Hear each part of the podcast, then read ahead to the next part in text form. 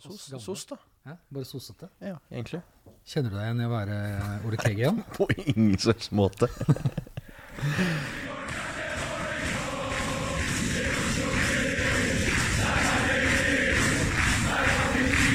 Du hører på Stang ut på overtid, en lydfanzine om Vålerenga fotball. Da tenker jeg at vi, kan, eh, at vi kan starte, og at jeg kan ønske velkommen til den Er det den 22. episoden av eh, Stang ut på overtid? I dag så sitter jeg sammen med Ole Kristian Sandvik. God dagen. Hei. Og styreleder eh, Tuva Ørbekk Sørheim. Hei. Hei. Vi eh, har eh, møttes i studio fordi vi skulle Vi kan prate om alt mulig rart, egentlig, vi som kommer på veien. Men klubbdemokrati og eh, det forestående sånn medlemsmøte og ekstraordinære årsmøte, det hadde jeg lyst til å, å snakke med noen som kunne eh, fortelle oss noe vettugt om. Kan vi begynne med deg, Ole Kristian? Eh, hvem er du? Du er vara i styret, Jeg er vara i styret til Vålerenga fotball elite. Ja. Det stemmer.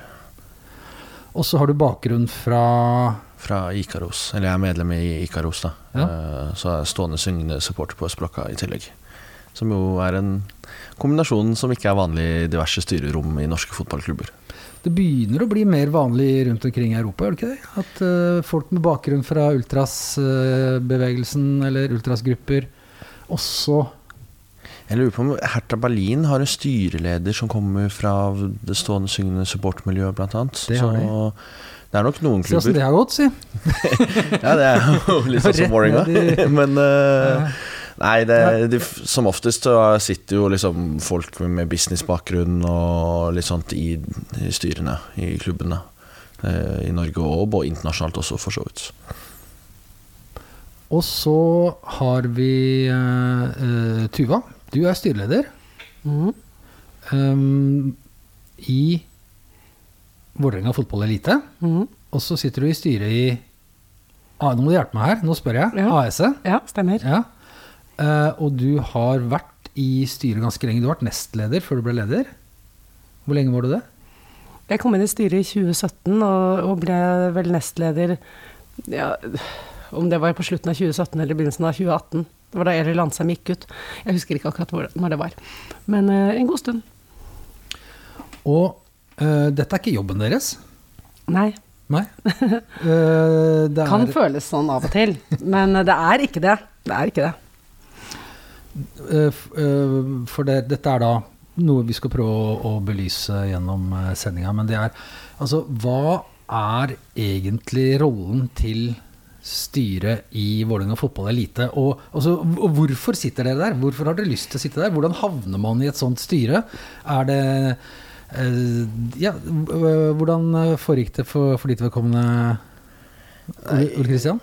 For min del så var det jo eh, Først har jeg vært irritert over eh, styret i veldig mange år. Eh, når var det? 2012 så gikk jo daværende styreleder ut etter Vålerenga-Lillestrøm på Ullevål. Ut mot supporterne og ville utstenge en haug av supportere pga. blussing og sånt. Eh, og så har man liksom alltid vært litt sånn Hvorfor skal liksom folk sitte i styret eller hvorfor skal ikke supportere sitte i styret og liksom folk som er aktive i organisasjonen? Så ble jeg valgt inn da på årsmøtet i 2022. To år siden, så er jeg på valg nå om et halvt år. Eh, og da foreslo egentlig flertallet av valgkomiteen en annen kandidat. Mens mindretallet bestående av én person foreslo meg. Så jeg er jo da første personen i styret i klubben som er aktivt valgt inn av årsmøtet hvor de måtte velge mellom to personer. Alle andre ganger så har det bare vært akklamasjon ved at valgkomiteen har foreslått noen, og årsmøtet har liksom bare godkjent de folka, da. Men det handler jo om at man har et oppriktig engasjement over klubben, eller om klubben. Eh, og det er mye man kan gjøre i et styrerom som man ikke kan gjøre eh, på en tribune, f.eks. Eh, så man prøver liksom å få ut alt det engasjementet man har da, for klubben. Jeg tenker at det er mange som ikke har vært på mange årsmøter, og ikke er så liksom av folk som nå nylig har begynt å engasjere seg i liksom klubbpolitikk også, så dette tror jeg du må forklare litt mer om etterpå. Men øhm, øh, når, du, når du sier at du ble sånn, foreslått av et mindretall og valgt ved Hvordan er det man blir liksom, Hvordan blir man valgt? Det hørtes jo litt sånn Du sa før så bare ble man foreslått, og så klappa alle, og så var du i styret. Men Nei, det er jo årsmøtet i klubben som velger styret. Og årsmøtet består jo da av alle medlemmene som møter opp på årsmøtet. Okay, det er én gang i året det er viktig. Det skjer én gang i året, Ja. og da må du være medlem i i klubben. Vålerenga fotballelite. Ja, og vært det i én måned før årsmøtet for å ha stemmerett. Ok, det Eh, er viktig for folk å vite. Det er en sånn funksjon for at man ikke skal bli kuppet rett før et årsmøteopplegg. Yes. Eh, og så har man valgkomiteen, som årsmøtet året før har valgt, Mm. eh, som skal foreslå folk inn i styret. Ja. Og De skal da ha en sånn grundig prosess med de intervjuer organisasjonen, mottar innspill fra medlemmene, eh, prøver å finne de riktige kandidatene som de mener er riktige kandidater, og sånt. Og så foreslår de til årsmøtet. Og så veldig ofte så sier jo bare årsmøtet ok, vi velger disse folkene, fordi det ikke er andre kandidater. Eh, Innimellom så finnes det to kandidater, som det gjorde da i mitt tilfelle. Og da måtte jo årsmøtet velge mellom eh, den andre kandidaten eller meg, da, aktivt. Eh, og da stemmer man jo mellom to personer. Det kan også være fire personer eller ti personer som stiller til samme verv, sånn egentlig. Det er ikke ofte det er så kø i luka for å ta på seg frivillig eh, arbeid i Nei, det er nok ikke det. Og så, eh, ikke sant, vi har nå tre, tredoblet, firedoblet medlemsmassen vår på noen få år. Eh, årsmøtedeltagelsen har fire-femdoblet seg i samme periode. Så vi har jo nå fått en mye mer engasjert medlemsmasse enn det man hadde før. Og det kommer jo også til syne på årsmøtene ved at det er valg på personer man, Det fremmes mye flere forslag enn det det gjorde for fire-fem år siden. Eh, om Qatar-VM, om VAR, om eh, diverse andre ting. ikke sant? Sportsvasking. Eh, så det er en sånn positiv utvikling. Eh, og det er jo liksom Man ønsker et økt medlemsdemokrati i eh, hele norsk fotball, da, sånn egentlig. Og det, det, det må vi snakke mer om etterpå. Det er veldig, veldig spennende og veldig sentralt. Men vi må også høre med eh, Tuva. Eh, hvordan havna du Du sa du, du satt eh, som nestleder i en periode, og så har du blitt leder. Hvordan havna du i, i styret i Vålerenga fotballelite? Var det noe du hadde gått og ønska deg lenge? Men du lobbyerte for? Jobba for? Nei, det var valgkomiteen som spurte om jeg ønsket å stille. Og jeg tror bakgrunnen for det er at jeg har vært um, engasjert i Vålerenga på ulike nivåer opp gjennom livet. Uh, først som supporter på 90-tallet, og senere absolutt mest som fotballmor. Vi har hatt gutter som har spilt der uh, i veldig mange år. Uh, og bor på Vålerenga og ja, er engasjert i klubben. Og har sittet i mange styrer tidligere. Og så tror jeg også at de trengte dame i styret. Og ja, en blanding av alt dette her tror jeg ledet frem til at de spurte meg om jeg hadde lyst til å være med i styret, og det hadde jeg kjempelyst til. Så det har, gjort, har vært en stor glede. Det er også eh, slitsomt og frustrerende og til å bli gal av også, selvsagt, som alt er med fotballen. Men, eh, men det er også veldig eh, givende og interessant når man føler at man er med på noe som er større enn en selv, som jeg syns er veldig givende. Men Kan dere da forklare som til et barn, si, hva er det egentlig styret gjør? Hva er det styret bestemmer? Hvor, på et typisk styremøte, hva er det dere gjør da? Hvilke saker er det dere har oppe til behandling, f.eks.? Nei? Det, det er alltid komplisert å prøve å forklare Vålerenga, for at det er så mange ulike instanser. Bare det at vi har to styrer, syns jo de fleste er ganske komplisert. Ja, Men- kan vi, skal vi begynne der, da? Vi- Jeg tenker vi kan begynne der. Gjør det. Eh, Ole Kristian og jeg vi sitter i klubbstyret. Vi er tillitsvalgt. Vi er valgt av årsmøtet av medlemmene i klubben. Og vårt mandat er å styre det sportslige. Eh, så det viktigste vi gjør, er på en måte å ansette sportssjef og, og hovedtrener. Eh, eventuelt avsette. Eh, og det, det er på en måte vårt ansvar. Så har man et uh, Vålerenga Fotball AS, eh, aksjeselskapet, som har de kommersielle rettighetene til eh, klubben. Dvs. Si at alle inntektene går til AS, mot at de betaler alle utgiftene våre. Det er, eh, og det er regulert gjennom en samarbeidsavtale som er mye omtalt. Eh, og eh, måten vi jobber med det på, er at vi har veldig mange styremøter sammen. De, uh, liksom, AS har i hvert fall veldig sjelden styremøter alene. Klubbstyret har en del styremøter alene, og i økende grad, kan man si. Men, men stort sett så jobber vi sammen, for vi er jo i en symbiose med AS-et. Slik at vi som sitter i klubbstyret, vi bryr oss også om hvordan det går med administrasjonen. Og det som sitter i AS-et er heller ikke likegyldig til hvordan det går i sport. For dette her er en sånn vekselvirkning som gjør at det ville vært veldig uklokt at vi satt på hver vår haug og styrte det hver for oss. Det er mye bedre at vi jobber om det sammen. Og hvor ofte møtes dere? Eh, til disse felles styremøtene Nei, eller hvor ofte er det styremøte? Uh, Nei, Er det altså- liksom noe man jobber med kontinuerlig, eller er det en gang i halvåret, eller hvor ofte ja, nei, det? De felles styremøtene tipper jeg sånn syv ganger i året. Syv-åtte ganger i året har vi felles styremøte med AC. Så har vi vel ja, sikkert syv-åtte bare klubbstyre, om ikke mer. Litt avhengig av hvilke saker som er oppe på agendaen. For eksempel, vi sparket jo hovedtreneren tidligere.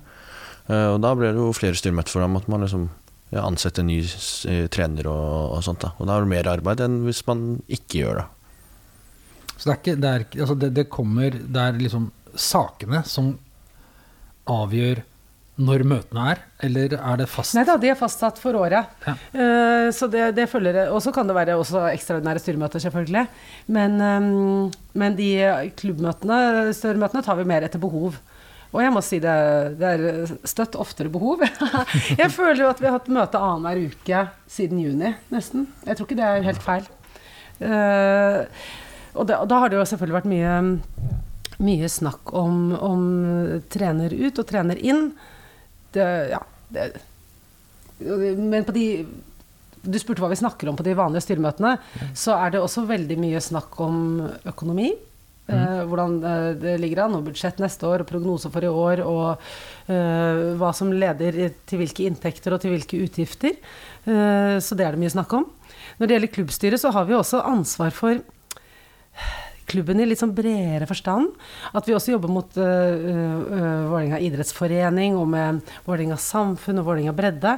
Vi jobber også mot norsk toppfotball, Norges fotballforbund. Så som styre, og kanskje i særlig grad styreleder, har, har jeg veldig mange kontaktpunkter og mange folk å forholde meg til. Og i denne klubben så er det også innmari mange som mener veldig mye og veldig sterkt. Og så kan man forsøke å, å lytte til de ulike stemmene og, og, og ja, prøve å sammenfatte det. Så man jobber i ganske mange ulike retninger. Det må jeg si, det er ganske komplekst. Men når du skal lytte til For det årsmøtet, det er liksom det er én gang. Og da kan ting bli vedtatt der som da legger føringer for hva dere må jobbe med, forholde dere til. Men eh, fram til neste årsmøte så har dere ikke noen sånn formell eh, liksom, no, Da får dere ikke noe sånn at medlemmene kan liksom komme med et eller annet uh, kastende på dere som dere må begynne å jobbe med hvor, eh, underveis. Nei, altså Vi har jo medlemsmøter tre til fire ganger i året, hvor vi inviterer alle medlemmene. Så har jeg fått tilbakemelding på at vi gjerne kan be medlemmene om å spille inn saker på forhånd, så det har vi gjort nå. Eh, Til dette medlemsmøtet.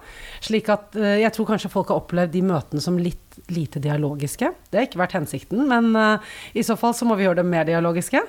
Så skal vi også huske at medlemsmassen er veldig sammensatt. Ikke sant? Det, er veldig, det er ikke bare supportere som er medlem i klubben, det er, det er mange ulike. Og mitt inntrykk på medlemsmøtene tidligere har vært at det folk har vært mest opptatt av, er å, å få høre nytt fra sport. Ikke sant? Og få eh, snakke med hovedtrener og sportssjef. Så det har ofte vært det som har tatt mest tid på medlemsmøtene.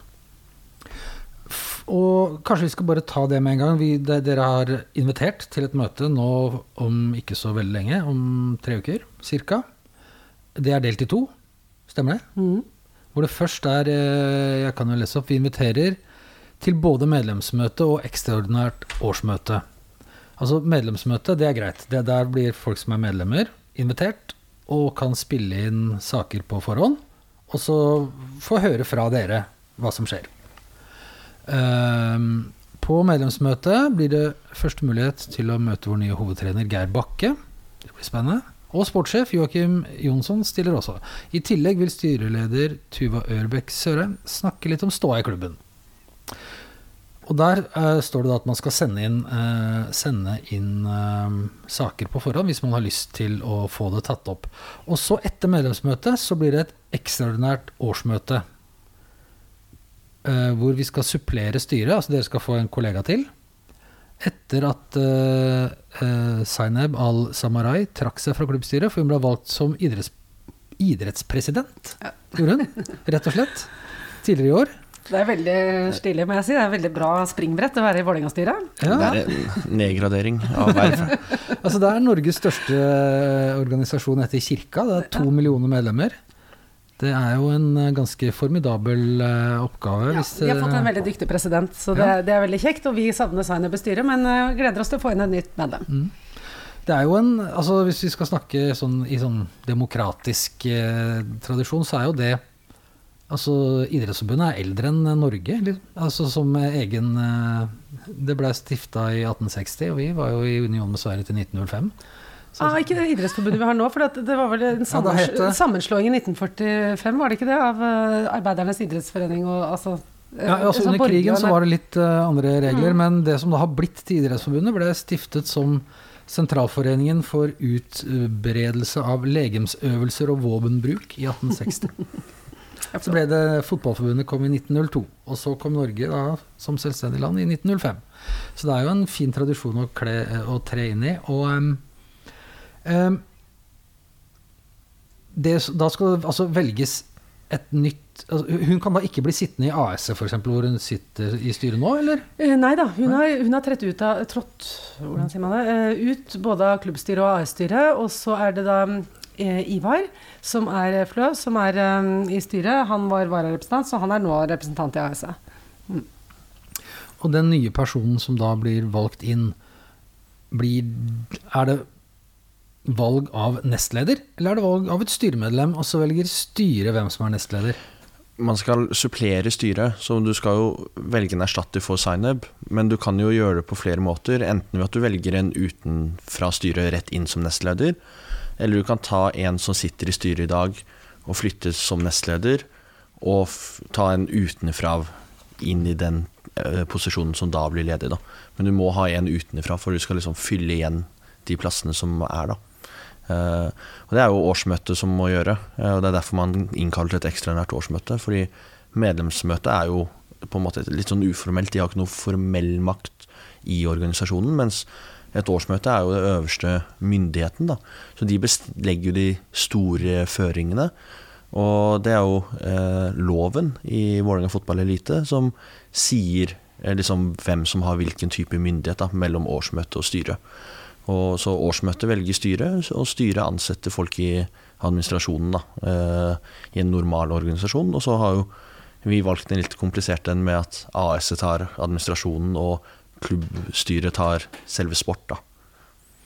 Men øh, øh, jeg trodde du var vara. Jeg trodde jo hvis en gikk ut av et styre, at da ble vara løfta opp. Skjedde ikke det?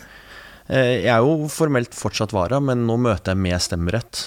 Og jeg møter jo Jeg er jo møtende vara, så jeg er med på alle styremøter og alle diskusjoner. Og så har jeg ikke sånn formell stemmerett, men det er jo ganske sjeldent vi stemmer. Det er ganske konsensusdrevet arbeid i styret, stort sett. Ja, Ole Kristian har vært med på alle møtene hele tiden. Så Vara er møtene. Og jeg var også litt usikker på det da Zainab trakk seg, om vi bare kunne supplere med, med Vara. Men vi snakket med Oslo idrettskrets, og det var litt, sånn, litt ulike tolkninger, men de fleste helte mot å tolke at vi skulle få inn én til gjennom et eh, ekstraordinært eh, årsmøte. Så da gjør vi det. Um, og så har dere Det har vel vært eh, noe av det første jeg husker at jeg la merke til eh, eh, deg, eh, Tuva, som liksom en sak som jeg fikk med meg liksom, som medlem eller som supporter, når du uh, gikk ut og sa liksom Jeg ønsker at dere skal melde dere inn i klubben for noen år siden. Tre år siden eller noe sånt nå. Uh, hvor mange medlemmer var det i Vålerenga fotballelite på den tida? Jeg tror det var ca. 350, og nå tror jeg det er ca. 1065. Så det Cirka 1065? Ja, ja, men det var jo noen dager siden. Det kan jo komme til noen flere. Ja. Men, eh, men eh, Så det er jo en veldig bra økning. Og vi fikk det til egentlig med en gang. Så det var jo egentlig bare å, å, å rope det litt høyere og si det i litt flere kanaler. Samtidig som det nok også har vært en som Ole Kristian snakket om i sted, en sånn bevegelse med større engasjement, og flere som ønsker å melde seg inn i klubb. Og så ser man jo også Akkurat det årsmøtet der var jo det samme årsmøtet som eh, det ble vedtatt at Vålerenga skulle gå inn for boikott av Qatar-VM. Og da så man jo at oi, her kan et årsmøte stemme frem i en politisk sak. Eh, Og dagen etter årsmøtet så var jo jeg på Dagsnytt 18 for å snakke om det, og det ble flere medieoppslag. sånn at da tror jeg også at det kan virke litt mobiliserende når man ser at dette har en hensikt. Det er ikke bare Jeg, jeg syns det er poeng å melde seg inn bare liksom for å føle seg nærere klubben. Eh, ved at vi har en stor medlemsmasse, har man flere å velge fra når man skal prøve å rekruttere nye styremedlemmer eller til andre verv. Så det er, det er jo en fin måte å ha en nærhet til klubb på, men det er jo også det at du har medbestemmelsesrett på årsmøtet. Eller stemmerett. Du har stemmerett, du kan være med å bestemme. Men da, jo, da ba dere folk melde seg inn, og så har folk gjort det i ganske stort monn. Og så øh, håper å si, gjør det livet deres eh, mer komplisert innimellom enn dere skulle ønske. Hvis f.eks. Det, det er noe styret mener veldig Eller så så sterkt. Dere er enige om at ja, dette er lurt. Og så er det masse rabulister ute i rekkene som ikke er enige, og så blir dette en sak på årsmøtet, og så blir dere på en måte pålagt å jobbe for noe dere ikke egentlig syns er så lurt, eller noe dere er litt motstandere av. Nei, ja, nei, men altså, det ville vært veldig sjukt å være et styre som ikke ønsket seg medlemmer. Det hadde vært ko-ko. Vi Ja. ønsker jo bare så mange medlemmer som, mange medlemmer som helst. Og hvis årsmøtet skulle vedta noe som vi syns er helt uh, crazy, ja, da får vi trekke oss, da. Ikke ja, for, for det er i så fall resultatet da, at hvis du ikke kan stå for det, så sier du takk, da gidder jeg ikke mer. Ja, og, ja, men sånn må det jo nesten være. Eh, Men eh, så kan man jo sikkert av og til også tenke sånn, være litt pragmatisk på det. Tenke jo, jo, jeg kan stå for det. Men, eh, men jeg vil i hvert fall bare ha sagt at alt engasjement er av det gode. Og flere medlemmer, ja takk. Men det skal veldig mye til at et styre trekker seg, fordi de er jo uenige med årsmøtet. Det er helt vanlig i organisasjoner at årsmøtet stemmer for noe styret anbefaler man ikke skal stemme for i en eller annen sak. Men det må være noe ordentlig alvorlig før et styre faktisk trekker seg eh, pga. den saken. Eh, ikke sant, Ta VAR, da, hvor Ja, kan vi ikke gjøre det? Der, for da har vi fått et, noen spørsmål, og jeg syns de Altså, de er jo veldig sånn Et veldig opplagt tema å snakke om, men også kan de vise litt um, Hva skal jeg si Hvor vi som medlemmer innimellom kanskje misforstår hvordan dere jobber. Da. Hvis, når de sier 'hva blir gjort med det medlemmene har pålagt styret', altså, da menes det, tror jeg, nå tolker jeg eh, Tom som har sendt inn dette her litt, altså for å følge opp et årsmøtevedtak um, om at vi, uh, vi skal jobbe mot å bli selvstendig, stå på egne bein før 2028, og antivar, som han skriver da. Um, hva, klubben var jo i utgangspunktet pro var. Og det ble jo veldig mange supportere veldig sure for. Så var det sikkert mange som sitter på langsida som ikke var like sure, men de sier ikke fra så tydelig. Men da hadde dere på en måte ryggen helt fri til å være for VAR som klubb. Det var ikke noe, det var ikke noe ingen som hadde eh, Altså, det, det var ikke noe formelt som kunne Eller det var ingenting som kunne si at dere måtte ta hensyn til at noen sto og ropte og var uenig med dere? Nei, men øh, jeg tror at alle i norsk fotball vil i ettertid oppsummere at det var en veldig dårlig prosess. Hele, øh, I hvert fall i, norsk topp- toppfotball. Hvordan den øh, avgjørelsen ble tatt. Fordi at det kom veldig bardus på. Skulle behandles veldig fort. Eh, og vi har jo på Twitter og på medlemsmøtet i etterkant beklaget at ikke vi involverte supporterne i det. Det var en feil. Det burde vi ha gjort. I stedet så, så la vi til grunn det sport og administrasjon øhm, gikk inn for. Og vi burde ha snakket med, med, med supporterne om det. Fordi at det er en, en, en sak som berører dem i så stor grad. Så, så det var uheldig i utgangspunktet, og vi har sagt unnskyld for.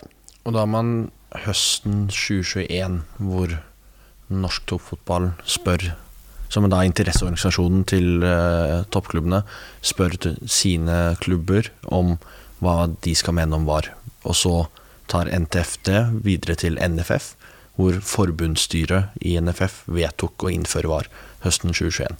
Og alt det her skjedde på noen uker, da, fra man fikk forespørselen hva mener man om VAR til eh, til eh, NFF vedtok at man skulle få VAR fra sesongen 2023. Og Det, det er helt åpenbart at det er uklokt å gjøre så, en, en så radikal endring så kjapt, fordi folk opplever jo at det ikke er hørt, og da blir frontene mye steilere.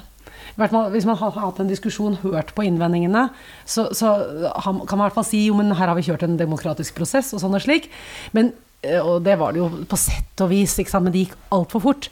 Og jeg tror at det er litt av bakgrunnen for at det er så øh, steile fronter nå. Eh, Eller det er veldig mange grunner til det. Det er også for at VAR fungerer svært, svært, svært dårlig i Norge. Men eh, i hvert fall så ble det eh, Så var det det som skjedde. Vi sa beklager. Eh, VAR ble innført. Og så hadde vi eh, årsmøte nå i vår, og da ønsket flertallet på årsmøtet at eh, Vålerenga fotball skulle gå mot VAR. Og da var vi i styret litt sånn Ok, men når skal man gjøre det? For at nå er det innført. med en sånn så lang avtaleperiode. Det ville virke liksom litt sånn Stå på, på torget og krangle og rope det dagen etter årsmøtet, f.eks. Det tror jeg ikke vi hadde oppnådd så veldig mye med. Så jeg tenkte at det får vi prøve å tenke på inn mot neste uh, årsmøte i norsk toppfotball. Men så jo Så, fant, så var viste det jo at VAR fungerte enda verre enn eh, folk hadde trodd. Og etter den Skien-kampen, som var helt sånn skandaløs uh, VAR-avgjørelse, så tenkte vi at det kunne være opportunt å gå ut med det synspunktet da. Fordi da var offentligheten mer moden for det. Man hadde fått sett det en stund, man hadde sett at det ikke hadde fungert. Og da tenker jeg at eh, argumentet om at vi ikke ønsker VAR, sto mye sterkere enn det hadde gjort hvis vi hadde begynt å rope om det i mars. Ikke sant? Eh, og jeg tror også at det er større eh, sannsynlighet for at man får med seg andre klubber, og får med seg opinionen i større grad, når man ventet noen måneder med å ta det opp, da. Så da fulgte vi opp det med Da skrev jeg en kronikk i VG, og det var på TV 2-nyhetene, NRK Jeg var til og med på sånn svensk morgenshow for fotball. Ja. Ja. Du har også vært på TV i Sverige nå nylig, har du ikke det? Jo, jeg ble intervjuet av eh, Discovery i Sverige, som er de som har rettighetene til Allsvenskan. Og de har ikke innført VAR. Nei, svenskene har ikke innført VAR, og der er det er det sånn syv eh, svenske klubber som har gått mot VAR allerede, og så er det ingen som har gått for VAR. Så det er jo en sånn konflikt hvor man vet at han som nå er fotballpresident der borte, eh, som er tidligere svensk statsminister, eh, heter Reinfeldt, om jeg ikke husker Jo. helt feil. Eh, han er jo veldig for VAR, mens det ser ut som at ingen klubber er for VAR. Og det er en sånn interessant dynamikk som man fort kan få i Norge òg, hvor hvis klubbene i Norge begynner å snu og sier at de er mot VAR, og så står plutselig NFF alene, da. Men det er jo NFF som beslutter at, om vi skal ha eller ikke ha VAR. Ja, er det, Men det, er ikke det Altså, klubbene Det er forbundsstyret i NFF som bestemmer om vi har VAR eller ikke, for det er de som eier turneringen Eliteserien.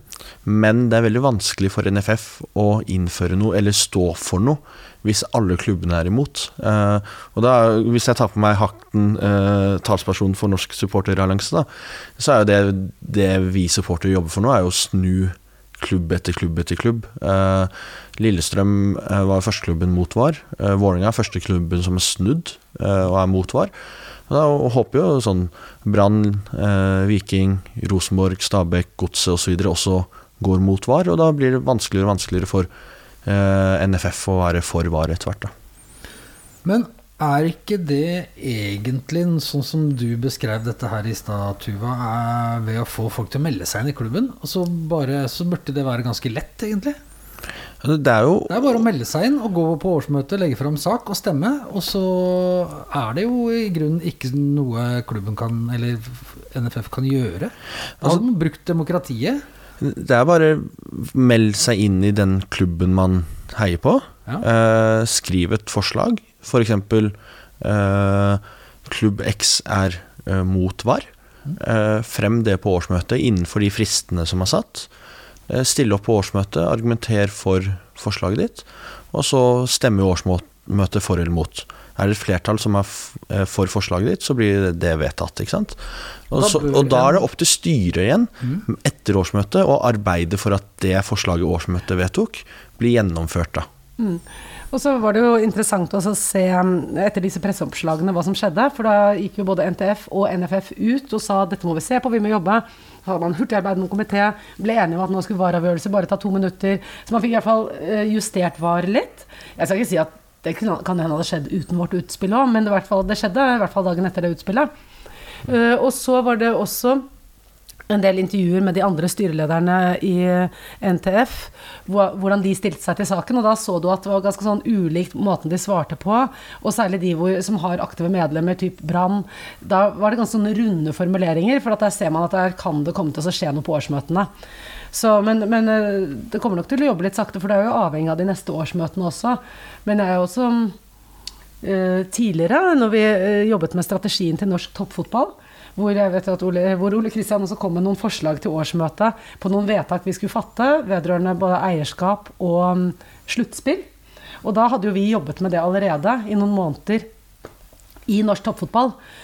hvor vi og Lillestrøm, Brann og Tromsø hadde en sånn, konspirerte litt sammen, eller hadde en liten sånn samtalegruppe om hvordan vi skulle prøve å gjøre den prosessen i norsk toppfotball litt lenger. For igjen så forsøkte de å innføre en strategi veldig, veldig kjapt. Da fikk, og da satt vi og ringte rundt til de andre klubbene for å få flertall for at uh, den behandlingstiden skulle bli lenger. Uh, og så kom NTF oss i forkjøp og sa vi, vi tar en lengre behandlingsperiode på, på denne strategien. Så da, det, det, det hjelper litt med sånn politisk arbeid. Da. Eh, og da fikk vi også lagt en del føringer for den strategien som kom, eh, som jo nå har gjort at det virker som at dette med sluttspillet er en død sak i norsk toppfotball for eliteserieherrer. Så eh, det er også en del av det klubbstyret jobber med. Da. Eh, finne andre klubber som kan være enig, og prøve å overtale andre klubber og jobbe politisk, rett og slett. Vil dere gjøre det i VAR-saken også nå, framover? Det kommer vi også til å gjøre. Men jeg tror som sagt at, øh, at øh, det blir mest interessant etter årsmøtene i klubbene. Da var jo den, eh, den aksjonen dere var inne på i stad, den eh, som pågikk rundt eh, Qatar, den som het Vår fotball. Den var jo en sånn skoleeksempel på hvor lett det kan gjøres hvis noen gjør et godt forarbeid. Er det noe Du nevnte du eh, satt i norsk, er det Norsk supporterallianse. Stemmer. NSA. Um, er det, er det tenkt noe der? Om det går an å lage en tilsvarende sånn mal? For det gjorde jo det kjempelett. I, altså selv det minste lille um, idrettslag uh, uten noe form for at det skulle ha fare for å havne noen gang i Qatar, ja, hadde jo et vedtak. For det var bare papirene lå der. Laste det ned, levere det inn i tide, og så stemme. Så var det gjort, liksom. Det er laget, det er bare ikke publisert ennå. Eh, Ferdig forslag til årsmøter. Og, og jeg har sittet og jobbet med å finne ut eh, hvordan man kan melde seg inn i hver enkelt klubb. Fordi det er jo eh, noen klubber er veldig sånn interessert i å få mange medlemmer. Andre klubber virker jo totalt uinteressert i å ha noen medlemmer i det hele tatt. Hvor det er veldig komplisert å melde seg inn. Så vi har laget en sånn mal eh, og litt sånn, hvordan melde seg inn og sånt i NSA, som skal publiseres etter hvert. Da. For vi tror sånn generelt så er norsk fotball tjent med å ha bedre medlemsdemokrati i alle klubbene. Eh, ikke bare i Vålerenga eller i Brann eller Lillestrøm eller Rosenborg, som liksom er de fire store eh, eh, medlemsmassene nå, da. Eh, Men at det også er i mindre klubber og sånt. For det er en sånn Det er en egenverdi i at eh, klubbene er eid av medlemmene, eh, som alle klubber formelt sett er i Idrettsforbundet. Men også at eh, medlemmene er engasjerte, og at de som drar på stadion, eh, reflekteres også i medlemsmassen. Eh, Det er en del litt sånn mindre klubber hvor det er på en måte aldermannsligaen som er alle de aktive medlemmene på årsmøtet, mens du har en del supportere som bryr seg mye om klubben, men, som ikke har meldt seg inn tidligere, som er et problem. Men, men det blåser vel en litt sånn ny vind over norsk fotball, må vi jo øh, både tro og håpe. At det er mange flere som kommer på stadion. Det er jo en formidabel økning i år. Um, og det er også mange flere yngre som kommer på stadion. Og jeg, sønnen min var, dro i militæret i forrige uke, og nå hadde han møtt to øh, stykker som var Jerv Ultras. Jeg synes det Da tenker jeg ja, ja, når Jerv har fått en ultrasgruppe, da, da vokser det vel øh, ganske mange steder. Eh, nå snakka du vi, vi, jeg vil gjerne snakke mer om den modellen, som du sa, med at vi kan melde oss inn. Og så vil jeg bare stille et spørsmål først. Så, fordi nå var du, eh, har du vært representert eh, en ultrasgruppe, et eh, styre og nå et styre til. Agnes, som ofte sender oss gode spørsmål, hun spør hvordan opplever Ole Kristian at, at det er å både representere supportere og sitte i styret samtidig, og så NSA-styret oppå det? Havner du i rollekonflikter? Og når kan dette være vanskelig?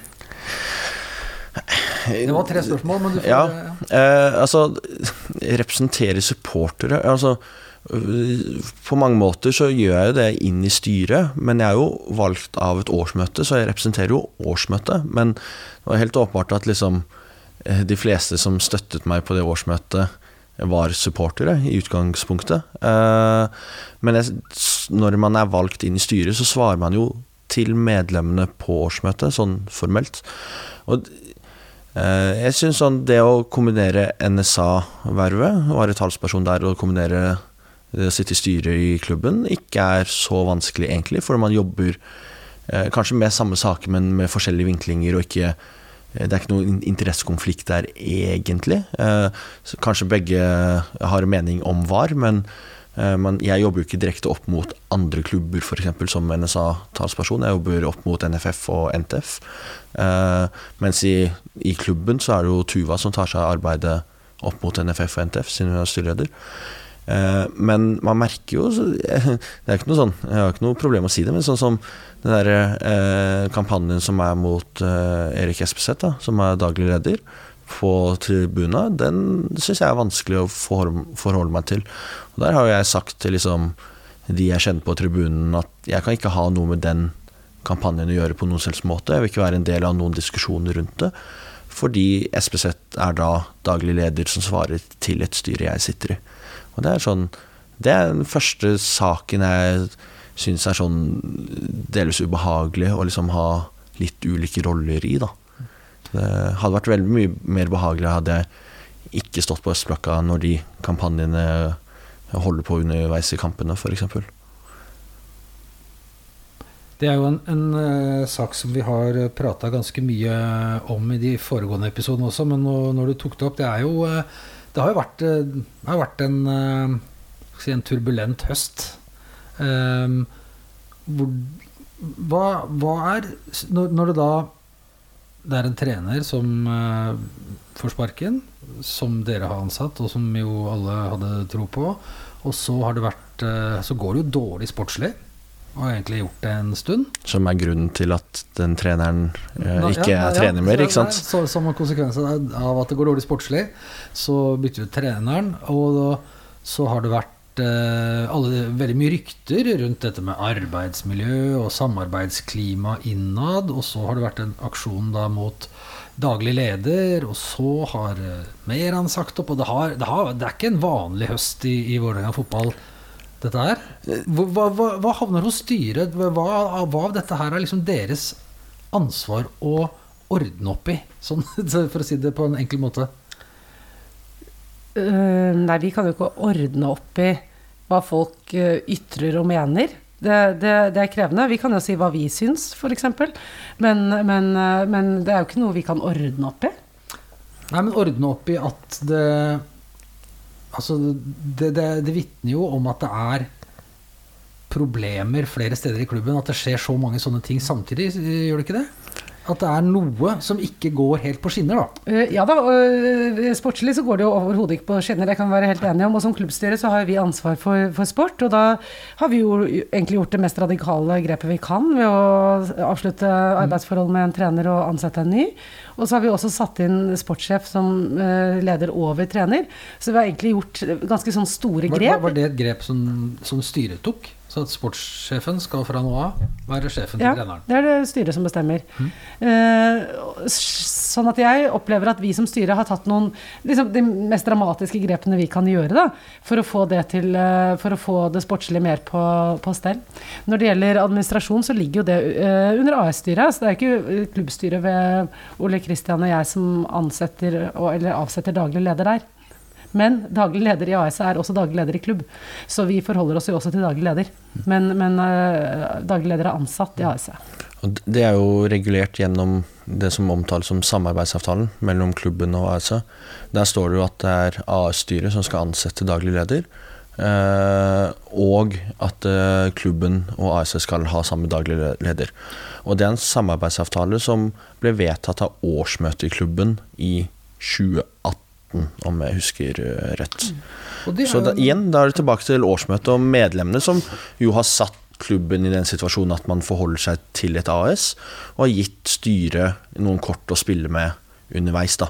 Så det er jo veldig mange nå som rundt Vålerenga som ikke sant, er mot dualmodellen, f.eks., som modellen mellom et AS og en klubb eh, kalles. Eh, men det er jo igjen da medlemmene som har ytret et ønske om å ha en dualmodell for noen år siden. Um, det har vi også fått et spørsmål om, for det er jo forskjellige måter å organisere dette her på. Og forskjellige land gjør det på forskjellige måter. Eh, jeg syns jo at vi i Norge egentlig er ganske heldige som har, en eh, modell hvor vi kan være medlemmer i klubben og faktisk være de som eier klubben. Jeg så det sto i avisen nå eh, hvor det var noe sånt at en, en styrtrik amerikaner vil kjøpe Stabæk. Så tenker jeg det kan du ikke gjøre. Det går ikke. Det er feil. Det er vi som eier klubbene i Norge. Han kan da gå inn i en sånn dualmodell, eller hva det heter, som vi i Vålerenga også har. Det stemmer. Men han, eller Trøim for den saks skyld, de eier jo ikke klubben. Rent formelt, og det er jo Idrettsforbundet som har bestemt, er jo at alle klubber og idrettslag i hele Norge som er organisert i eh, Idrettsforbundet, er eid av kun medlemmene sine. Og så har jo fotballen valgt eh, å eh, ha en dualmodell ved at man da oppretter aksjeselskaper eller en annen type, aksje, nei, annen type selskaper på siden eh, som samarbeider med fotballklubbene for å få inn kapital i fotballen. Eh, og det, NFF har jo da regulert åssen det forholdet skal være. Og Grunnen til at f.eks.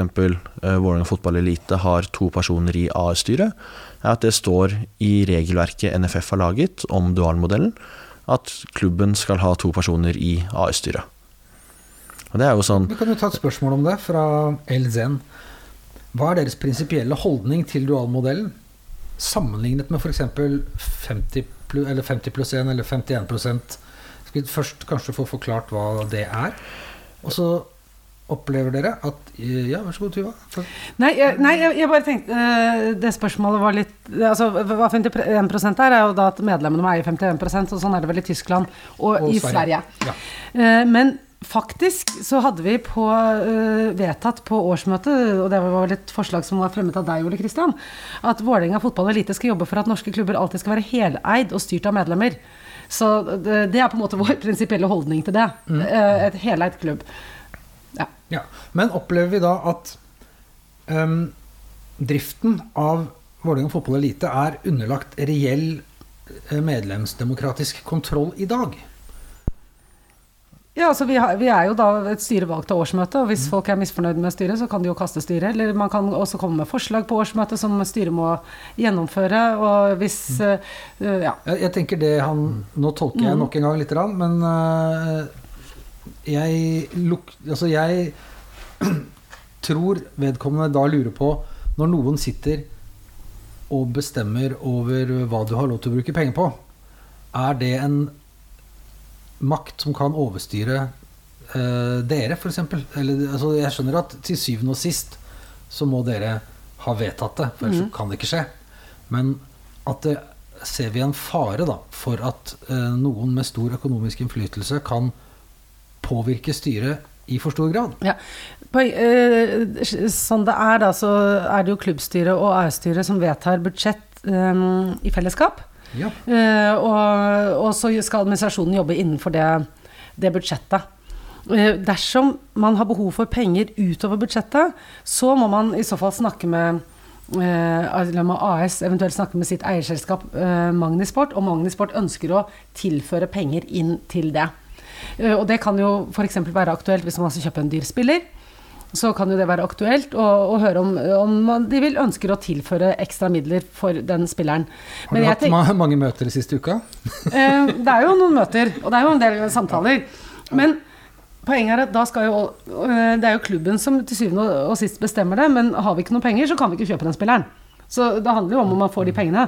Men da er det, tenker jeg, øh, spesielt viktig for klubben å passe på at det er de sportslige som styrer dette.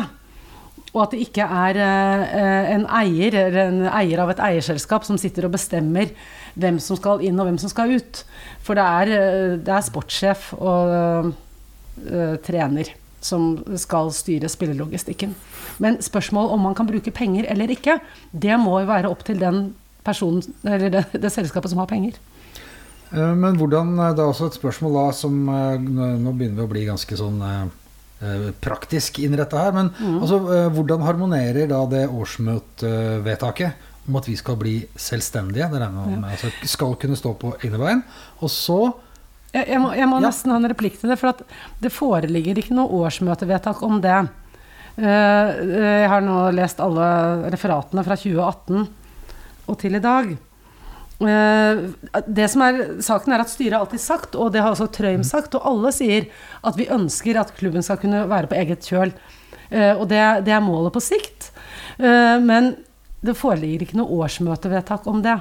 Det årsmøtevedtaket som kan ligne mest, er fra 2021 og lyder Styret bør jobbe for å bygge opp en økonomisk buffer dersom man på kort tid mister finansiell bistand fra samarbeidsselskapet. Men hvordan er det da å sette navnet sitt under 42 millioner i minus to år etterpå? Eh, vi fikk jo um, Ja, Ja. eh, Nei, men altså det, det er jo det et minus som da blir dekket av Magni Sport før eh, årsslutt. Sånn at det er jo rett og slett uh, AS som tok den regningen. Dette snakket vi mye om på årsmøtet. Det stiller ikke klubben i noen vanskelig økonomisk situasjon i den forstand at klubben ikke skylder noen penger i det hele tatt, og at vi er sikret eh, trygg drift av klubben. Og det er jo det man har sett. ikke sant? For vi, da, alle sammen her som har fulgt Vålerenga kjempelenge, har jo vært med på uh, vaffelsteking for Vålerenga og dugnad og øh, I morgen kan de ikke betale lønn, og det har jo vært mange redningsaksjoner for Vålerenga. Sånn har det jo ikke vært uh, under samarbeidsavtalen i det hele tatt, for at vi er sikret at uh, AS betaler penger. Slik at klubben har eh, blitt drevet trygt gjennom alle disse årene. Ja. Du var oppe med hånda, Ole Kristian. Ja, det ble så mye baluba på det årsmøtet som var for et halvt år siden pga. det underskuddet på 42,2 eller 42,8 millioner. Eh, og det var veldig mange som, kanskje naturlig nok, eh, fikk liksom inntrykk av at ok, nå er vi nesten eh, Eller nå er vi 42 millioner eh, kroner mer avhengig av eh, Tor Olav Trøim, Ja. som jo eier da Magni, som igjen eier AS-et. Eh, men jeg tror man, sant, man må dele opp den der store summen i noen deler. Eh, en del av eh, det underskuddet var jo at man lot være å selge eh, Osame Sarawi i fjor sommer. Og det gjorde man jo fordi Tor Olav Trøim sa at jeg dekker det underskuddet som kommer, fordi man ikke får inn de pengene. En annen del av det underskuddet var at man rekrutterte nye spillere. Stefan Strandberg, eh, Torgeir Børven, Simen Yklerød f.eks. i fjor sommer. Hvor man ikke hadde rekruttert de spillerne, hadde ikke Tor Olav Trøim på forhånd sagt at han dekket de pengene, ikke sant. Eh, og så er det en tredjedelen som er at vi har eh, høyere driftkostnader enn driftsinntekter sånn generelt, da. Eh, så man må liksom Man kan ikke se en sånn sum i ett. Man må gå inn og se hvordan den summen er bygget opp. Eh, for det, etter min mening er jo ikke sant, eh, sånn For en klubb på lang, lang sikt, så er jo det at driftskostnadene er mye høyere enn driftsinntektene, er jo største problemet. En spillerinvestering er jo i seg selv en overgangssum. Det er jo veldig lett å ikke ha på neste års eh, regnskap fordi du bare ikke kjøper en spiller til x antall eh, kroner neste år. da. Mens eh, at du har faste kostnader, f.eks. spillelønninger, da, som løper ut en kontraktsperiode, det er jo vanskeligere å kutte i et budsjett og regnskap. Så det er noen misforståelser ute og går blant altså Når folk reagerer jeg skal ikke si, det er, Nå skal jeg ikke si at alle misforstår, og derfor eh, reagerer de på en spesiell måte, men at det er en, en del ting vi får presentert i VG, og så ser det veldig eh, gærent ut. Og så har dere egentlig bedre kontroll enn det ser ut som i avisen? Er det, du er rolig? Du ja, sånn delvis i hvert fall. Ja. Eh, og det er, ikke sant, man eh, Vi hadde jo ikke hentet de tre spillerne jeg nevnte eh, hvis vi ikke hadde hatt dekning for det ved at vi visste at det kom til å bli betalt for. Eh, og det er jo, ikke sant man, Jeg tror folk får innimellom et litt mer inntrykk av at det er mye mer pølsepapirstyring enn det det egentlig er. Uh, sånn, Jeg forstår det når folk ser et underskudd på 42 uh, millioner kroner uh, i en overskrift på VG eller noe sånt. Eh, og regnskap og sånt er jo komplisert. Og vi har jo valgt, eller årsmøtet vårt i 2018 da, har jo valgt en komplisert eh, modell ved at liksom eh, markedsinntekter og sånt dyttes til et AS-selskap, mot at de også da dekker underskuddene. Eh, så vi har ikke gjort det lett for oss selv hvis vi skal liksom forstå eh, dynamikken i klubben mellom klubb AS og regnskapstall og sånt. Men jeg tror at noen kunne tro at vi f.eks. skyldte de pengene til Tor Olav Trøim, og det, det gjør vi jo ikke i det hele tatt. Det er jo han som velger å skyte inn de midlene. Eh, Fordi at eh, sportslig ledelse ønsket å styrke det sportslige. Og så kan man i etterkant si oi, det gikk jo ikke noe bedre på høsten i fjor. Nei, da var det vel ikke gode nok eh, spillerkjøp, eller Strandberg ble skada, eller ikke sant. Og, og, og, og det er jo lett etterpå Og det er jo enhvers privilegium å være etterpåklok. Ja, akkurat nå så er det Ja, men, si, ja. men, eh, men eh, tanken var jo at man skulle styrke seg sportslig, og er det én ting som er inntektsgenererende i fotball, så er det å styrke seg selv sportslig. Det er nesten eh, Vi kan diskutere om det liksom er å kutte kostnader, eller om det er å lykkes sportslig, men hvis du lykkes sportslig, hvis du klarer å komme deg til Europa, så er oppsiden helt enorm. Nå er vi eh, sånn latterlig komisk uh, unna det, da, for å si det sånn. Så nå er det bare om å, å klare seg i Eliteserien. Men, uh, vi men det er et kan vinne- forsøk på kan vinne cupfinalen, da. Ja, det kan vi. Og i fjor så kunne vi også krafse opp på Europa, egentlig, Ja. etter en veldig god sommer. Og da jo, eh, valgte man ikke selge Osame, og vel, valgte også å gjøre noen spillerinvesteringer som man trodde at skulle kanskje sikre det i løpet av høsten. Da hadde det vært en kjempeklok investering, og ingen hadde vært sure. Ikke sant? Eller sikkert noen, men eh, færre. Um, men den eh, avtalen, den er eh, samarbeidsavtalen, den, eh, den løper bare noen år til. Den går ut 31.12.2028. Så 1.1.2029 så har vi per dags dato ingen samarbeidsavtale med Vålerenga Fotball AS. Hvordan forbereder styret seg på den tida? Hva er, hva, hva, jobber dere med ett scenario, med to, med tre? Har dere forskjellige planer? Har dere begynt å tenke hva hvis? Vi, eh, eh, vi har jevnlig hatt møter med i styret hvor vi har sett på ulike scenarioer for hva som, hva som skulle skje.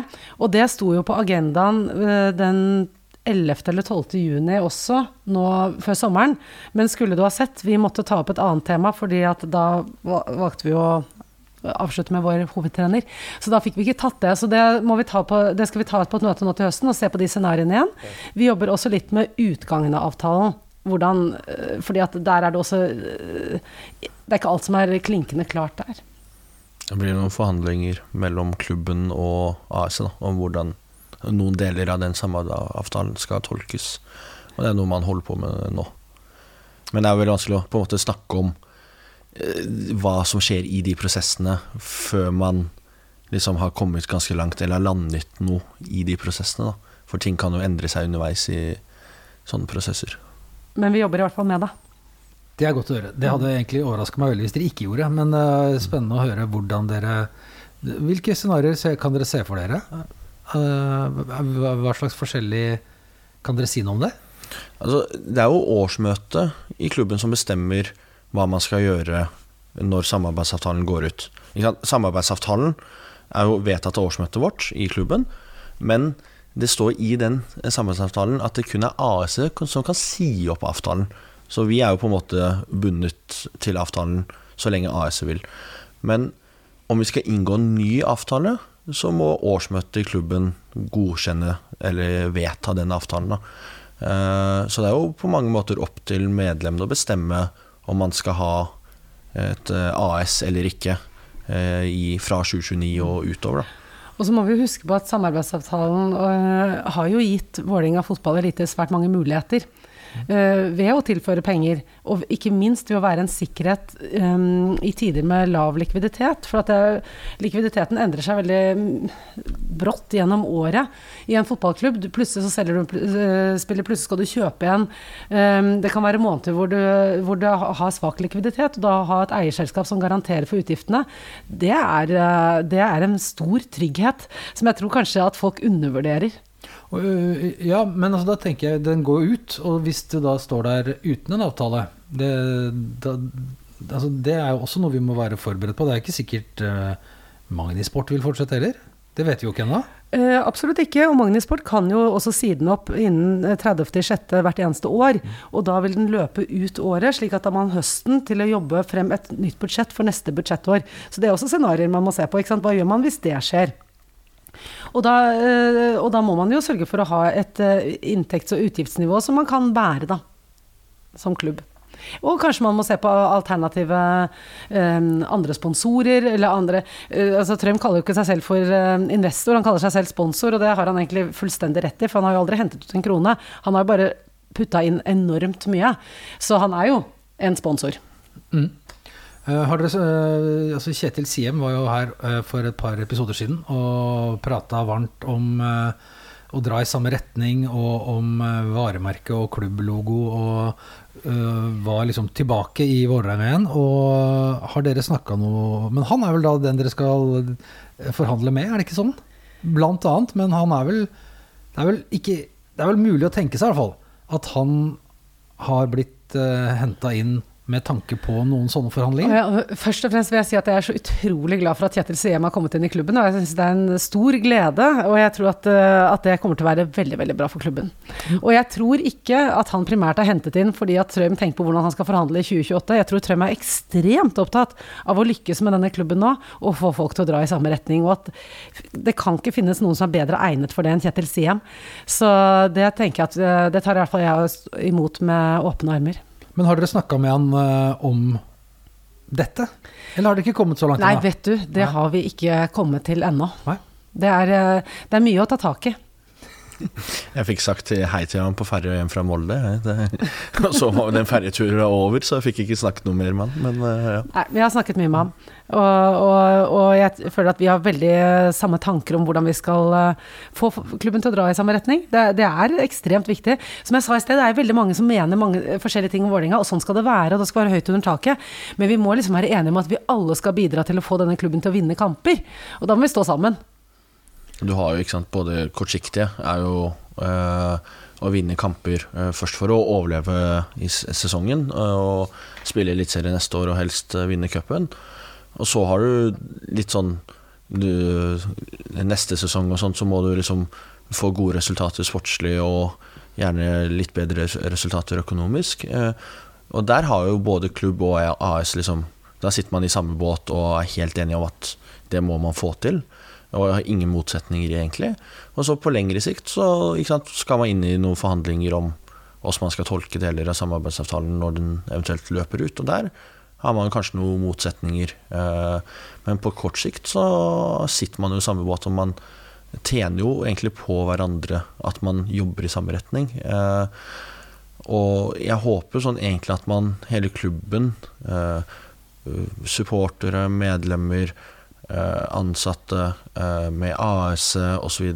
Liksom greier å bli flinkere til å trekke i samme retning. Da. Det er mye konflikter rundt klubben for øyeblikket, og de er sikkert litt sånn selvforsterkende av dårlige resultater og sånt også. Eh, Men jeg håper at man liksom nå redder sesongen, og så starter man litt med blanke ark fra neste år. Fordi sportslig er man sånn spiller for spiller, er- mener jeg, og det står jeg for 100% man er ikke så langt unna å kunne ta medalje spill for spiller, hvis man liksom begynner å få litt flyt. Jeg tror veldig mye sitter litt sånn i huet til spillerne. I fjor da, så holdt vi på å rykke ned etter tolv kamper, og så går det tolv kamper hvor vi eh, nesten tar medalje, med egentlig de samme spillerne som holdt på å rykke ned. Eh, Så det er nok mye sånn mentalt i spillernes hue. Så nå får vi liksom fokusere veldig mye på å støtte laget ute på banen det vi kan, da. Ja, og, og prøve å skape, eh, skape litt ro ellers. Og vi skal ha noen, noen møtepunkter da, for å prøve å, å, å snakke. Og på mandag skal vi styre møte en del fra supportergrupperingene og snakke litt om ståa. Og så er det da dette medlemsmøtet og ekstraordinært eh, årsmøte i 19.9. Så nå finnes det jo en del arenaer hvor vi skal møtes og snakkes som jeg tror kan bli bra, da. Det er også noen som Ja, det, det, det er veldig fint. Jeg skal, på mitt, jeg skal på mitt første medlemsmøte, så jeg, jeg gleder meg veldig. Jeg har ikke vært på verken medlemsmøte eller årsmøte før, men eh, nå skal jeg, så jeg blir veldig spent på hvordan det forløper. Det er en som lurer på om, eh, om det blir pizza på møtet. På medlemsmøtet. Hvis det tar, nei, hvis det tar tre, tre og en halv time, sånn som sist. Ja, det, Altså, det tok fire og en halv time. Ja. Og da, da jeg fikk noe kjeks og sånn innledningsvis, og så ble jeg, altså jeg ble så utrolig sulten, så jeg sendte tekstmelding til Tina. Er det noe mer kjeks? Det er tomt. Det var ikke noe mer vått eller tørt i det rommet. Jeg tror jo sånn, ikke sant, Vålerenga fotball elite er en ganske ny eller ung organisasjon, og spesielt liksom som et aktivt medlemsdemokrati. Eh, og det årsmøtet som var, var jo ganske kaotisk og sånt. Eh, jeg håper liksom at man greier å få litt sånn bedre årsmøter, eh, sånn at folk har lyst til å delta da, og se hvor mye positivt som kan foregå på disse årsmøtene. Og så skal man liksom ha eh, lav terskel for å si det man mener, og høyt under taket for å si hva man mener. Men eh, tror man som klubb som helhet er tjent med liksom mindre bråk på årsmøter og bedre diskusjoner, da. Og for å gjøre det liksom enkelt før det årsmøtet, det ekstraordinære årsmøtet som er nå om eh, noen uker, det, det som skal avgjøres der, det er bare én ting, er det ikke det? Stemmer. Ja. det er én Så folk ting, må og det er ikke bare komme dit med en, eh, en forhåpning om at her skal det eh, skje liksom det ene og det andre, og at man kan ta opp ting fra salen. Vi skal, det er én ting som skjer, så det kommer ikke til å ta fire og en halv time. Nei, jeg tipper det tar en halvtime med litt formelle og sånt. Og det er jo eh, Vi nevnte jo loven, eh, det som heter vedtekter i de fleste organisasjoner. Der står jo liksom hva oppgavene til årsmøtet og sånt er. Og der står det jo at ekstraordinære årsmøter kan innkalles av styret og eh, x antall medlemmer og sånn. Og de skal kun arbeide med det som står i innkallingen. Så der er det ikke mulig å fremme noen egne forslag. Eh, og det er jo sånn Loven legger rammene for hva vi kan jobbe med. Så hvis man lurer på hva oppgavene til noen organer i en klubb er, så søker man bare Vålerenga fotball elite lov på Google, og så leser man der. Ja, det ligger også på nettsiden. Det ligger på nettsiden, trenger ikke gå innom Google i det hele tatt. Men, eh, men hvis noen har lyst til å, å, å stille kritiske spørsmål eller ta opp ting, så er, har vi jo et medlemsmøte i forkant. Så, da kan det jo, så der er jo alle hjertelig velkommen til å ta ordet, selvfølgelig. Uh, du sa at du tror det kommer til å gå bra. Sportslig, eller ikke bra, men altså vi kommer til å klare oss. Jeg håper det i hvert fall. Ja. Uh, hvis Skulle du si noe, da? Nei, jeg har krysset fingrene. Jeg, krysset fingrene. Jeg trodde du ga meg sånn tegn. Nei, jeg, jeg må få si noe, må si noe. Uh, men uh, vi står jo også Vi er altså én kamp unna en ny cupfinale. Uh, hvis du kunne velge, Tuva, å rykke ned og spille kvalik mot Koffa og rykke ned, men vinne cupfinalen, eller berge plassen, men taper finalen for Kjelsås? Nei, altså Berge plassen 100 av 100 ganger. Det er klart, vi må jo bli i Eliteserien. Det er jo galskap å tenke noe annet. Men jeg håper jo at vi vinner cupfinalen nå. Jeg er helt enig. Eh, man skal holde seg i Eliteserien, det er jo det viktigste. Hvis man må velge, liksom. Ja, nå må du Forhåp- velge. Forhåpentligvis så greier man jo begge, men uh, vi får se. Det er jo det er ikke mange kampene Det er jo cupfinale hver eneste kamp, på en måte. Så vi får se. Men uh, håper det beste uansett. Og så er vi i himmelen etter Drammen, og så helvete etter Haugesund, og sånn, eh, sånn fortsetter det. Og nå neste nå til helga så er det hjemme mot Odd. Odd. Og da, på da sier vi som vi alltid sier, nå må vi vinne! Det tror jeg vi har sagt. Åh, for hver eneste kamp. Mm. Men det gjelder igjen. Det gjelder så definitivt igjen. Mm. Um, Christian Arens har sendt meg også et spørsmål. Det er et spørsmål, for han kjenner du godt. Han Ja jobber du en del med. Ja, Christian jo, er jo observatør i styret. Ja, han Så- er reklamestyret. Ja, ja. og er, eh, ble da på årsmøtet valgt som observatør i vårt styre. Så han er med på våre styremøter, og, og jeg snakker med ham jevnlig, så det er, det er veldig hyggelig med Christian. Han lurer på hvilken bortekamp har du nå valgt deg ut for å bli med Bohembussen på tur med? Ja, Jeg, altså, jeg, jeg syns det var veldig hyggelig, jeg betraktet det som en invitasjon. ja, det må vi kunne si, tolke det som. Så da gikk jeg inn og tenkte jeg at 5. november mot Sarpsborg, da er det mørkt og trist og kaldt og regn og vått, og, og da er bursdag dagen etter, så kan vi liksom ha en sånn slags fest der da. tenker jeg. Og den beste gaven hadde vært å Altså, det hadde det vært. I fjor hadde jeg bursdag på Haugesund stadion, og da regna det. Og vi ledet 1-0, og det var fantastisk mål, jeg tror det var Børven. Og så skuddet sitt, det ble 1-1. Så dro vi skuffa hjem.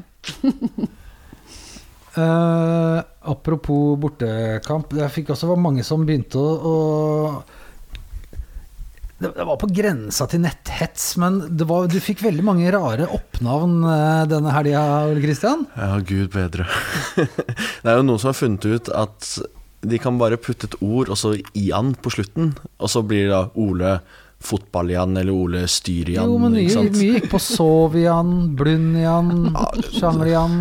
Er det Nei, Jeg, eh, hjemover så sov jeg delvis, og så sov jeg bitte litt til Molde. Men uh, det er jo to, to personer uh, Det er jo Knoll og Tott som uh, later som jeg sover hele veien begge retninger. Det gjør jeg ikke. Men eh, Hvem er knoll og tott?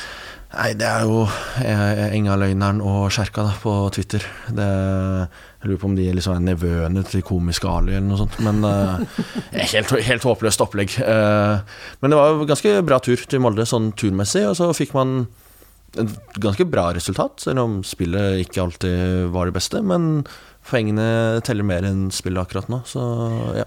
Der var vi faktisk bitte litt bedre enn i fjor. For at Molde 0-0 og Tromsø 0-0. I fjor så tapte vi sånn grandiost mot de største lagene hele tiden. Men nå har vi litt mer sånn mirakuløst klart å spille 0-0. Har... Ja, altså Statistikken mot Molde peker jo rett i himmels. Der har vi jo Ja, altså, i- ikke sant? Jeg håper jo at laget får en sånn positiv energi ved at de greier å få et poeng mot et lag som nå spiller eh, playoff til Champions League og var overlegne seriemestere i fjor. Eh, og ok, vi hadde en, eh, litt flaks som var sånn to i tvella eller noe sånt, sånt, men alle lag må ha litt flaks, og det gjelder jo bare å ta de poengene. Vi har vært for dårlig eh, defensivt og sluppet inn veldig mye tullete mål, og nå greide vi å få marginer på vår side. Og da, hvis vi fortsetter sånn ut sesongen, så begynner man nok å hente en del poeng etter hvert mot de litt svakere lagene. Ja, for vi har gud hjelpe meg også hatt en del uflaks. Så jeg syns at det var helt fortjent at vi hadde litt flaks i den store, den store sammenhengen. Veldig bra, veldig bra parert, uh, Ole Kristian. Nei, men jeg har blitt vant til disse kallenavnene. Det er Hvilket liker du best? Nei, det, det vet jeg ikke. Men jeg så at eh, en viss keeper med mang, navn Magnus Sjøen eh, mente at eh, jeg var veldig keeg. Eh, det skjønner jeg ikke hvor det kommer fra på noen slags måte, faktisk. Men, eh, og det smalt fra rett kjeft, fordi han er en skjellsårsgutt som gjerne går med sånn turtleneck eh, og noen form for sånn lysbriller eller noe sånt som skal dekke fra noe sånn UV-lys eller noe sånt fra TV-en. Blond og litt sleik. Det, han, han er keeg, mens jeg er jo bare ja, vanlig gutt. Um, nå skal vi se, vi har eh, tid til å sitte her en stund til. Du skal på kino snart og se på Oppenheimer. det skal jeg. Ja. Um, er det noe dere har, har eh, lyst til å komme inn på som vi ikke har, eh, ikke har nevnt? Noe som dere hadde tenkt vi burde snakke om? Når det kommer til klubbdemokrati, når det kommer til organisasjon, når det kommer til deres roller eller oppgaver? Det er jo egentlig en sånn stor ting Ja. eh, som vi egentlig burde tatt sånn helt på starten. Og det er liksom hvordan eh, alt er bygget opp i Vålerenga. Eh, og Det har du helt rett i. Ja, og det er jo, ikke sant Vi har jo Vålerengens idrettsforening, som består av da baseball, basket, innebandy, hockey, fotball osv. Eh, hvor du har masse ulike lag innenfor disse idrettene. Eh, og innenfor fotball så har vi da Vålerenga fotballelite, som er liksom A-lag, rekrutt og juniorlag herrer. Og så har du Vålerenga fotball, som da er hele breddeavdelingen, og eh, bl.a. Eh, Norges beste damelag. Eh, og de blir skilt i Det var samme organisasjon og delte seg i 2014 eller noe sånt. Fordi man var redd for at sant, eh, herrene skulle gå konk, og det ville gå utover barna. Eh, og så Det er da Vålerenga fotballelite som Tuva er styreleder for, og jeg sitter i styret i. Og så har vi da det samarbeidende eh, aksjeselskapet som heter Vålerenga Fotball AS. Eh, som vi har samarbeidsavtalen som regulerer forholdet vårt mellom oss. Som er vedtatt av årsmøtet vårt i klubben. Eh, AS er eid av Magnisport. Heleid 100 eh, som igjen er eid av Tor Olav Trem. Så eh, er, jeg tror det er litt sånn lurt å huske på hvordan det organisasjonskartet er. Eh, og klubben er jo da spillerne, trener, eh, eh, Jokke som sportssjef, mens eh, AS da har ansvar for administrasjonen, eh, sånn egentlig. Eh, det er sånn litt komplisert eh, organisasjonskart, hvor noen andre klubber som også har dualmodellen, ikke har det like komplisert. Da. Eh, og så er det jo årsmøtet bestemmer jo eh, i, I alle organisasjoner er jo det øverste eh, organet. Og så velger de et styre som arbeider med det årsmøtet vedtar mellom årsmøtene sine. Styret ansetter eh, da administrasjon i ASE, eller eh, trener og sportssjef i eh, klubben. Eh, som da igjen ansetter eh, liksom nedover seg. I, nedover, del, har delegert oppgaver under seg og sånt. da. Og så må vi som en organisasjon forholde oss, til loven, som da legger liksom rammene for hva vi som klubb kan drive med. da. Det er litt sånn organisasjonskart på 1, 2 og 3. Som, Du, det er komplisert, det opplegget her. Ja, man- skjønner det etter å ha hospitert et år. Liksom. Men det, er, det er veldig komplisert. Eh, Ligger det ute tilgjengelig på nettsidene våre? Hadde det vært, Kunne vi bedt om det? En fin tegning av av det fra Ole Kristians eh, penn? Ja, jeg tror, jeg tror nok at du kan lese deg frem til det på sett og vis, men jeg, jeg har sett at vi har, eller jeg har blitt hørt og blitt fortalt at vi, at vi er, fremstår uh, som for lukket. Ja. Og det ønsker jo ikke vi. Uh, vi, er jo, uh, vi er jo tillitsvalgte, valgt for medlemmene, så vi ønsker, jeg ønsker jo at vi bare skal ha så åpen dialog som mulig. Det har blitt etterlyst at det ikke ligger nok på nettsiden, så det har jeg fått lagt ut i dag. Referater fra alle årsmøtene. Eh, årsrapporter, alle disse ulike sakene ligger nå tilgjengelig på Vålerengas nettsider, alle kan gå inn og lese. Samarbeidsavtalen ligger der. Vi har liksom ikke noe å skjule. Så, så nå har vi lagt ut mange flere dokumenter så folk kan gå og, og lese. Eh, og så håper jeg at, man, eh, at vi kan bruke møtet med supporterne på mandag også til å kanskje finne noen nye arenaer. Eh, kanskje man kan ha eh, innspillsmøte hvor folk kan komme med gode ideer, man kan drive med gruppearbeid, sitte og tenke litt om hvordan klubben ja, gode ideer for klubben, hvordan man kan fylle opp stadion. Det er mange ting man kan samarbeide om. Eh, og bruke medlemsmøtene aktivt og ja. I det hele tatt, det er, det, er, det er viktig for meg å understreke at styret har ikke noe behov for å sitte og, og mure seg inne og være lukket i det hele tatt. Men vi jobber i ganske mange ulike retninger, og det er ikke sikkert at man husker alt. Og da må, man, da må jo gjerne folk si 'hallo, vi lurer på sånn og slik'. Så skal vi svare på det. Uh, dere fikk jo også litt eh, kjeft for at dere ikke hadde hatt eh, referater fra styremøtene. Ja. Har dere, Det, har dere det, ja, det stemmer ikke helt, fordi altså, alle styremøtene som er med AS og, klubb, har vi hatt referater av. Det er veldig øh, grundige protokoller. Men vi har hatt noen arbeidsmøter i, klubbstyret hvor vi ikke hadde foretatt noen vedtak, men hvor mer sånn diskusjon, som du kan, også kan ha på mail uten at du skriver referat. Og så mente Bente, som er leder for kontrollkomiteen, at vi burde skrive referat likevel. F.eks. har hatt møte, diskuterte årsrapporten. Eh, Ikke noe mer enn det. Eh, bare for å vise også at vi har eh, møter, da, at, vi, at vi gjør ting. Og det syns jeg var et godt innspill, og skrev inn i årsrapporten i fjor at det skal vi gjøre. Og nå har vi ført referater fra hver eneste lille, lille diskusjonsmøte.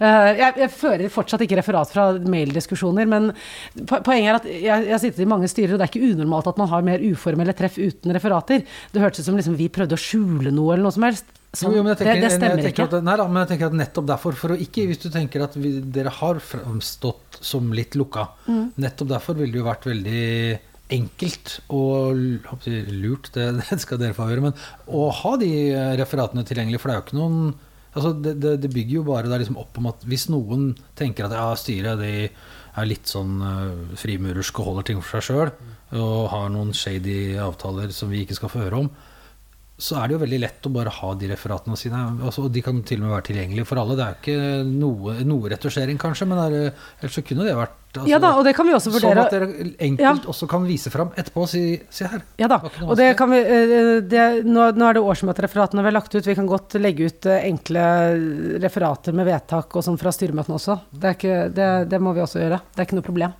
I det hele tatt så er det veldig lite shady business rundt uh, Vålerenga fotball. Det er eh, elite. Det er eh, profesjonelt drevet og med gode avtaler hele veien.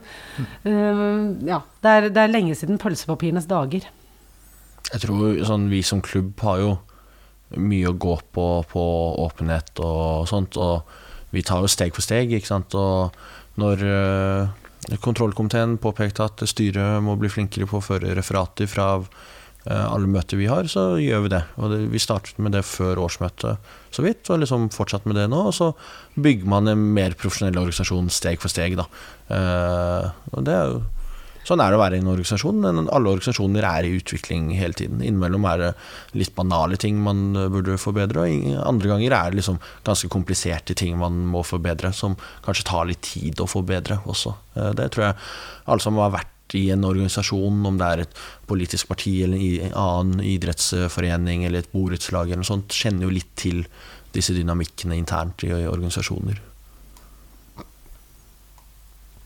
Ja, jeg lurer på om jeg nå har eh, Som jeg pleier å si mot slutten, nå har jeg fått svar på mer enn jeg lurte på. Eh, dere hadde, hadde Du hadde den eh, fine organisasjonskartet ditt som du fikk eh, fortalt oss om. Er det noen andre ting når vi skal prate om før vi takker for oss? Nei, jeg bare håper at alle som lytter er medlemmer eller vil melde seg inn. Da. Det koster bare 350 kroner, og du knytter et bånd til klubben din, og du eh, kan engasjere deg og komme på medlemsmøter, og du kan komme på årsmøta. Og ja, jeg håper bare at alle gjør det. Bredt i klubben.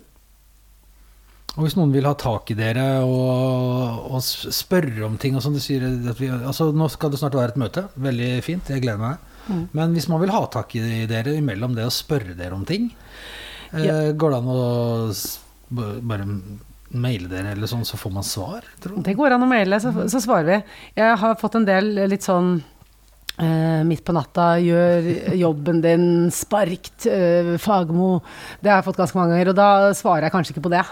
Men hvis de stiller et saklig spørsmål, så får de alltid svar.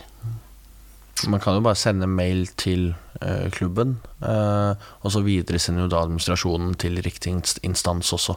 Uh, så Jeg er i hvert fall på diverse sosiale medier hvor de kan sende en tweet eller en melding i innboksen eller noe sånt, og så svarer jeg så godt jeg kan. Eh, ikke alltid jeg kan svare på alt, men jeg tror liksom klubben er ganske åpen, prøver å være åpne og prøver liksom å gjøre sitt beste og svare så godt som mulig eh, på de spørsmålene man får. Og man skal ikke være redd for å stille spørsmål heller, bare ikke gjør det på tribuna under en kamp, eh, for da er vi opptatt med litt andre ting. I det, det, det siste har jeg også gått på Har jeg vært eh, noen ganger på Øst etter kamp. Først etter seier, og så tenkte jeg tør jeg gå etter tap. Jeg gikk etter tap, og det var kjempehyggelig. Og fikk prata med mange. Så det, det, jeg syns det er veldig hyggelig å snakke med folk som er engasjert i Vålerenga. Det er godt å høre, og vi som medlemmer må jo selvfølgelig takke dere som stiller som eh, tillitsvalgte i klubben vår også. Jeg tror jeg også nå er klar for å takke for praten. Veldig hyggelig at dere kom. Eh, jeg heter Jon Hernes, og du har hørt på en ny episode av Stang ut på overtid. Og meg får du tak i på Twitter eller Facebook hvis du vil eh, komme i kontakt med meg. Så høres vi neste gang.